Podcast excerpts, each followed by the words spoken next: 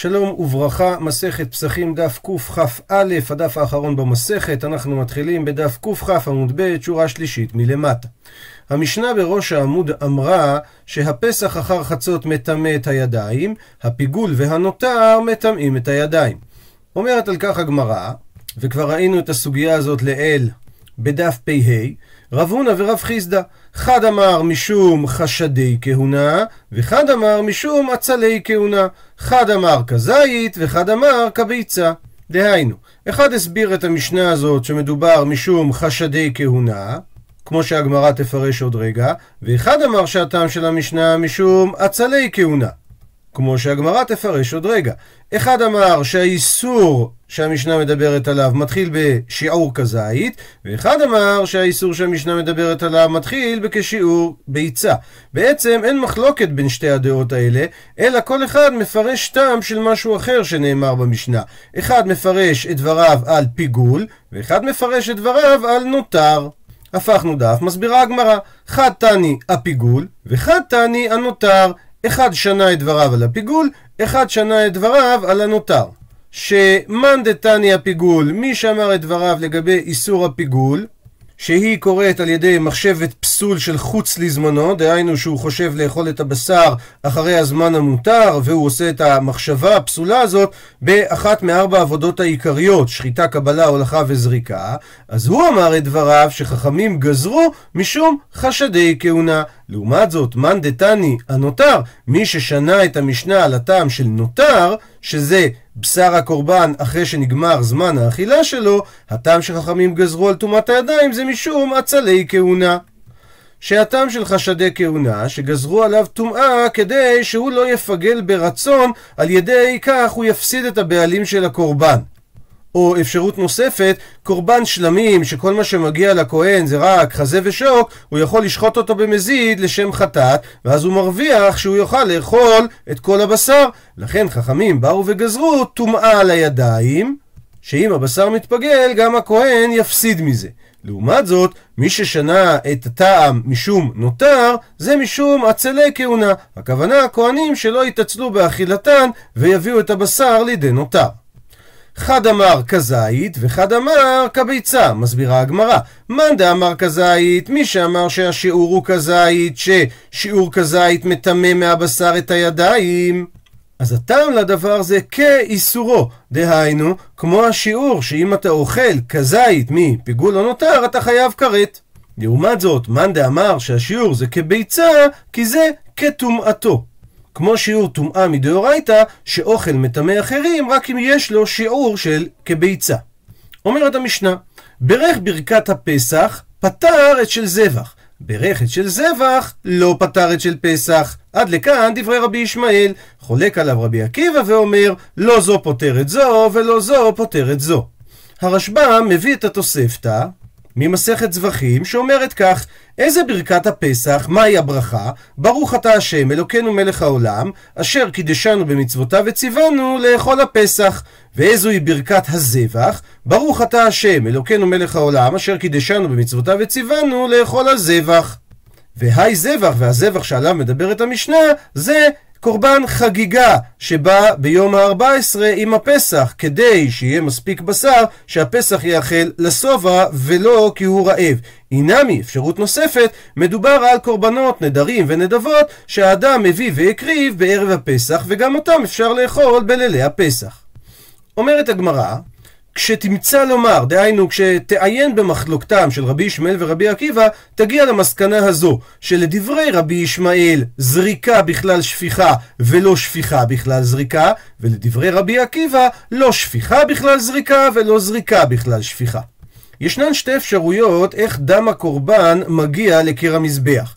אפשרות אחת היא על ידי זריקה, דהיינו שהכהן זורק את הדם ואז הדם ניתז על קיר המזבח. אפשרות שנייה היא שהכהן שופך את הדם, דהיינו יותר בעדינות, אל עבר קיר המזבח. בצד ימין אנחנו רואים שפיכה, בצד שמאל אנחנו רואים זריקה. מסביר הרשב"ם במסכת זבחים, בדף ל"ז, שמענו שרבי ישמעאל אומר שאת דם הפסח צריך לתת בשפיכה ולא בזריקה. לעומת שאר הקורבנות שאת דמם מספיק לתת בזריקה. וממילא, אם רבי ישמעאל אומר שפסח לצאת בשפיכה, ובמשנה שלנו אנחנו אומרים שאדם יכול לברך את ברכת הפסח והוא יצא ידי חובה מברכת הזבח, אבל הפוך, דהיינו, אם הוא יברך זבח הוא לא פותר את של הפסח, ממילא אנחנו מבינים שדמים הניתנים בזריקה, כגון שאר זבחים, אם נתנו אותם בשפיכה כמו קורבן הפסח, יוצאים ידי חובה. אבל, הפוך, דמים הניתנים בשפיכה, כגון דם קורבן הפסח, אם נתן אותם בזריקה, כמו קורבנות שלמים וכל שאר הזבחים, אז הוא לא יצא. וזה מקביל בדיוק לעניין האם אפשר לצאת על ידי ברכת פסח על ברכת הזבח, או הפוך. לעומת זאת, לדברי רבי עקיבא, שאמרנו במשנה שברכת הפסח והזבח אין זו פותרת את זו, זה מתאים לשיטת רבי יוסי הגלילי, שלמד שזריקת הדם של קורבן הפסח זה מתנה אחת כנגד היסוד מרחוק, וזה לא דומה לזריקת שאר הקורבנות, שהם שתי מתנות שהם ארבע. רבי יחזקאל לנדה, שנודע על שם חיבוריו הנודע ביהודה והצלח, שואל על המשנה את השאלה הבאה: הרי למדנו שאין מפטירין אחר הפסח כפקומן, למה? כדי שיהיה טעם בשר הפסח נשאר בפיו. אז אם כן, בעצם בכלל אסור לאכול קורבן חגיגה אחרי קורבן הפסח. אז איך אנחנו בכלל מדברים על מצב שברכת הפסח תפתור את ברכת החגיגה? עונה על כך הנודע ביהודה, שזה בעצם טעות, כי אנחנו לא מדברים במשנה אחרי שבן אדם סיים לאכול כזית אחרון של פסח, שאז באמת אסור לטעום אחריו כלום כדי שיישאר טעם הפסח בפיו. מה שאנחנו מדברים זה בתחילת הארוחה, כשהוא התחיל לאכול את הפסח, ועוד יש לפניו גם מהפסח וגם מבשר החגיגה, וממילא הוא יכול לאכול באמצע אכילת הפסח כל מה שהוא רוצה, רק בהמשך הסעודה, כאשר הוא יאכל את הכזית האחרון, אז רלוונטי המשפט, אין מפטירין אחר הפסח אפיקומן.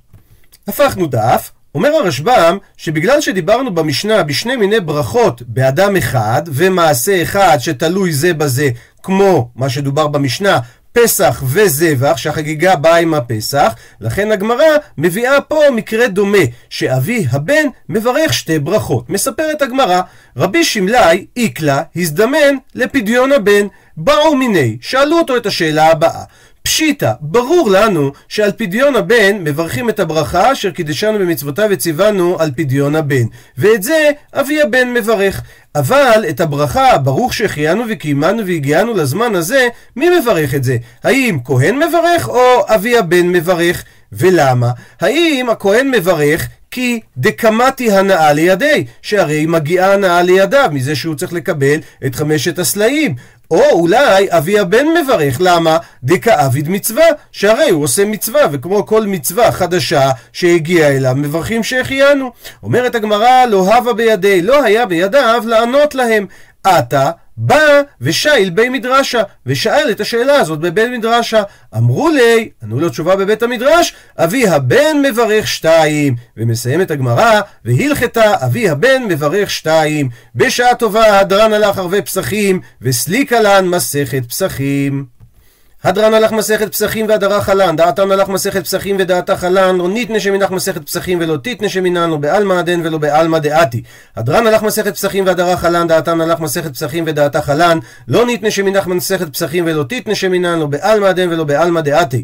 הדרן הלך מסכת פסחים והדרה חלן, דעתן הלך מסכת פסחים ודעתה חלן, לא ניתנה שמינך מסכת פסחים ולא תיתנה שמינן, לא בעלמא דן ולא בעלמא דעתי. יהי רצון לפניך, אדוני אלוהינו ולאבותינו, שתהא תורתך אומנותנו בעולם הזה ותהא עמנו לעולם הבא. חנינא בר פפא, רמי בר פפא, נחמן בר פפא, אחי בר פפא, אבא מרי בר פפא, רפרפם בר פפא, רכיש בר פפא, סורחב בר פפא, עדה בר פפא, דרו בר פפא. הערב נא אדוני אלוהינו דברי תורתך בפינו ובפיות עמך בית ישראל, ונהיה אנחנו וצאצאינו וצאצאי צאצאינו, וצאצאי עמך בית ישראל, כולנו יודעי שמך ולומדי תורתך לשמה, מאויבי תחכמני מצוותיך כי לעולם היא לי, יהי ליבי תמים בחוקיך, למען לא אבוש, לעולם לא אשכח פיקודיך כי בם חייתני, ברוך אתה אדוני למדני חוקיך, אמן, אמן, אמן, סלע ועד. מודים אנחנו לפניך אדוני אלוהינו ולאבותינו, ששמת חלקנו מיושבי בית המדרש ולא שמת חלקנו מיושבי קרונות, שאנו משכימים והם משכימים, אנו משכימים דברי תורה והם משכימים דברים בטלים, אנו עמלים והם עמלים, אנו עמלים מקבלים שכר, והם עמלים ואינם מקבלים שכר. אנו רצים והם רצים. אנו רצים לחיי העולם הבא, והם רצים לבאר שחת שנאמר, ואתה אלוהים תורידם לבאר שחת. אנשי דמים ומרמה לא יחצו ימיהם, ואני אבטח בך. יהי רצון מלפניך אדוני אלוהינו, כשם שעזרתנו לסיים מסכת פסחים, כן תעזרנו להתחיל מסכתת וספרים אחרים ולסיימם, ללמוד וללמד, לשמור ולעשות ולקיים את כל דברי תלמוד תורתך באהבה, וזכות כל התנאים והמוראים ותלמידי חכמים תעמוד לנו לזרענו, שלא תמוש התורה מפינו ומפי זרענו וזרע זרענו עד עולם, ויתקיים בנו בהתהלכך תנחה אותך בשוכבך תשמור עליך, והקיצותה היא תשיחך, כי בי ירבו ימיך ויוסיפו לך שנות חיים, אורך ימים באמונה, בשמאלה, עושר וכבוד, אדוני עוז לעמו ייתן, אדוני יברך את עמו בשלום. ונקרא את המשנה הראשונה במסכת הבאה, מסכת שקלים, באחד באדר משמיעים על השקלים ועל הכלאיים, ובחמישה עשר בו קוראים את המגילה בכרכים, ומתקנים את הדרכים ואת הרחובות ואת מקווה המים, ועושים כל צורכי הרבים, ומציינים את הקברות, ויוצאים אף על הכלאיים.